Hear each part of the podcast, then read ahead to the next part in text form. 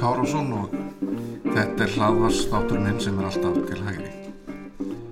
Hagfræðingar eru líklega svo stjætt sem hefur hvað mesta unun af deilum og loðunum sögur.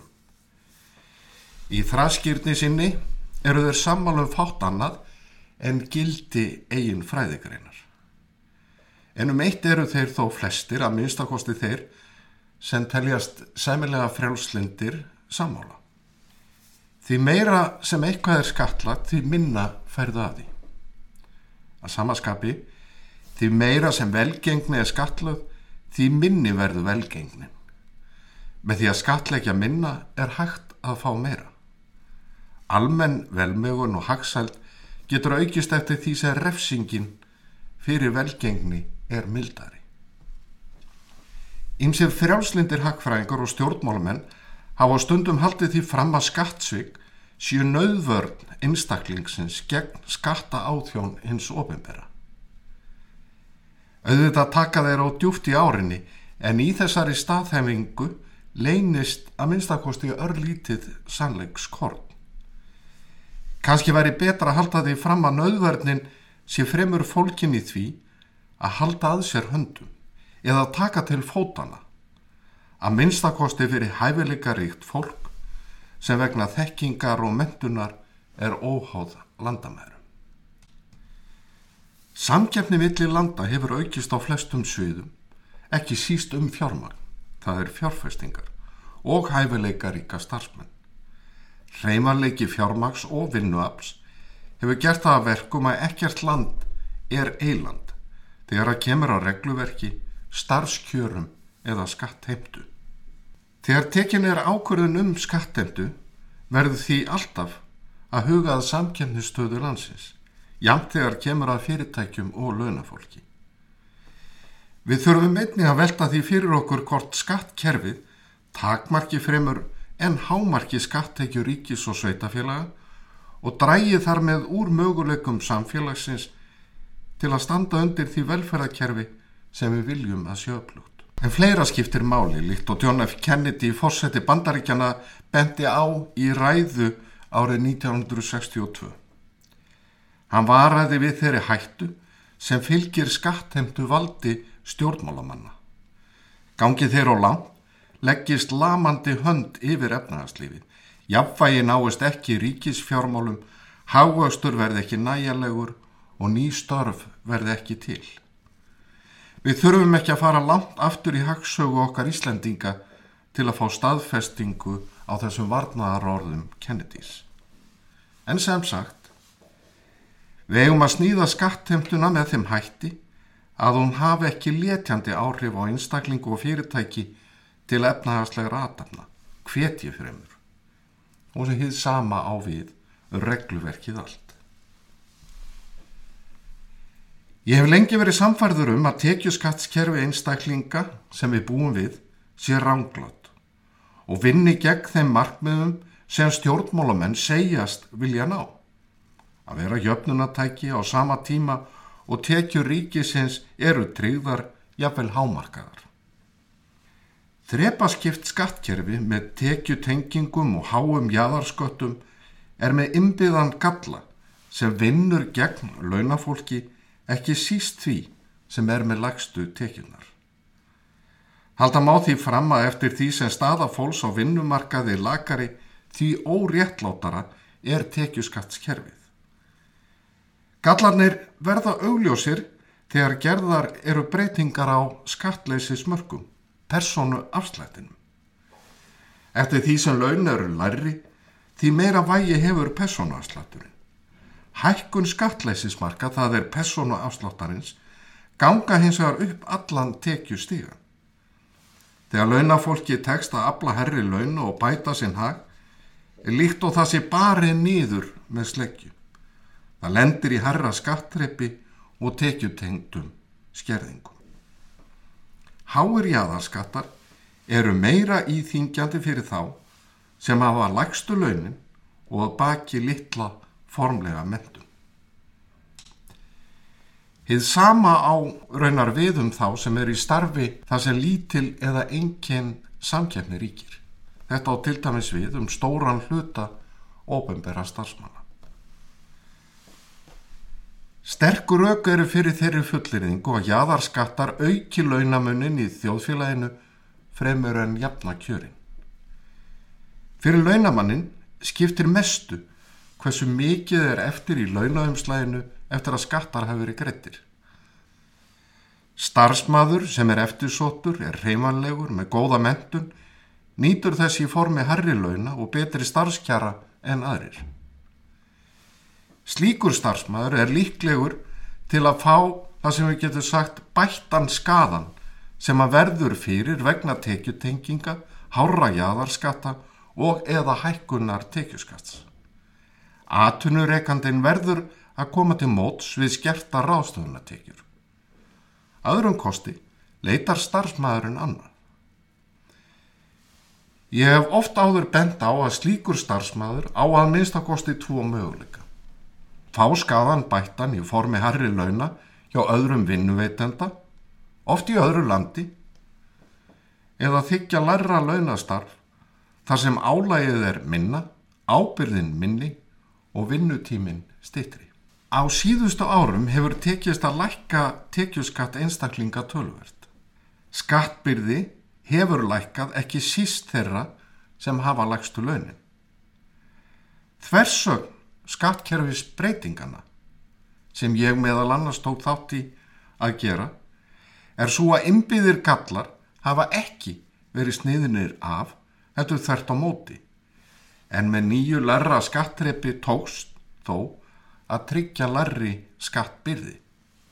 En á móti kemur að þrepaskipting skattkerfisins mun gera það auðveldara í framtíðinni fyrir stjórnmálamenn að auka skattbyrðina að nýju. Ránglæti skattkerfisins hefur því ekki verið leðrétt og verður illa gert með þrepaskiptingu og tekjutengingu. Ef allir gallar og refsingar tekjuskattskerfisins eru hafðir í huga, er illa hægt að komast að annari niðurstöðu en að stokka verði kerfið allt upp. Markmiðið á að vera einfalt kerfi þar sem dreyið er úr jáðarsköttum, byggt undir kvata og umfram allt hægt að refsa fólki þegar því tekst að bæta sinn hag. Ég hef sem sagt aldrei verið hrifin af þrepaskiptu skattkerfi en barist fyrir flötum tekjuskatti, einni skattbrósund. Í janúar 2018 setti ég fram til lögu meðal annars á síðum morgumblaðsins um flatan tekjuskatt eina skattprósentu óhátt tekju. En um leið vildi ég taka upp nýjan persónuafslátt sem fari lækandi eftir því sem tekjur hækka. Í slíku kerfi er réttlætanlegt að ónýttur persónuafsláttur sé greitur út. Það er tekjuskattu þeirra sem lagar standa verður neikvæður. Skattbyrðin verður misþung eftir tekjum, hækkar eftir því sem tekjur hækka. Launamaður með laun undir skattleysismörkun greiðir ekkert og fær hugsanlega greitan út ónýttan persónaafslátt séu tekjur undir ákveðnu viðmiði. Raun skattbrósentan, það er skattbyrðin í hlutvallega launum, merður því herri sem tekjurnar eru herri en það lækkar persónuafslátturinn með hækkandi tekjum. Þegar þeim launum er náð, þar sem persónuafslátturinn er við null, verður skattprósentan flöt svo sama óháð því hvernig tekjur þróast. Ég hef ekki talið skynsalegt að leggja til ákveðna tölu um flata skattprósundu eða skattleysismörk persónuafslátt Það er vegar augljóst að kerfisbreytingin krefst þess að skattleysi smörkin verði verulega hækkuð frá því sem þau eru nú. Skattprósentan verður hins vegar töluvert larri en hæsta þrepp gildandi tekjuskats. Stígandin í skattbyrðinni er pólitísk ákvörðun en einni efnagasleg á hverjum tíma. Og hér skal það fullirt að uppstokkun af þessu tægi styrkir stöður lang flestara launamanna, fyrst og síðast herra, sem eru með lægstu launin og meðal tekjur. Ymbiðar refsingar og letjandi kvatar eru sniðnir af að mestu. Að minnstakosti verður sleggjan sem ber launafólki í hausin þegar því tekst að bæta kjörin, fjarlægð og eðilóð. Í aðræðanda kostninga er það að minnstakosti einna messu virði fyrir launafólk að krefja þá sem leita eftir stuðningi til að setjast á alþingi til að svara því hvort þeir eru tilbúinir til þess að taka þátt í að eiðilegja þessa sleggju. Og til að svona gera það skýrara hvernig þrepaskiptur tekjuskattur virkar, ólíkt flutum tekjuskatti, þá hef ég stuðst við dæmisögu sem David Kamersen, profesor í Hagfræði við Háskólanum í Georgi, setti saman. Ég hef nýtt þessa dæmisögu í ræðu og rétti en staðfærtana töluvert og breytt en hún gefur okkur ágæta insinn inn í íslenska skattkerfið og varpar með einföldum hætti ljósi og alvarlega galla stighækkandi tekjuskats þar að segja þrepaskiptingu. Um leið skýrir sagan ágætlega hvers vegna það er erfitt pólitist að lækka skatta undir kerfi stighækkandi skattendu jável þótt öll hagran rauk mæli með lækkun. Ég byrti þessa sögu meðal annars í morgumblæðinu fyrir nokkrum árum en einnig á vefmínum olibjörn.is og nokkrir hafa leitt sér að taka hana tröstataki og nýta sér hana. En að sögunni. Þetta er saga um tíu félaga sem hittast vikulega á bar og fá sér bjór. Reikningurinn er upp á 10.000 krónur. Þeir skipta reikningnum á milli sín með sama hætti og þeir greiða skatta og styðjast þá við tekjutengt skattkerfi. Því herri tekjur, þeimur meira er greitt.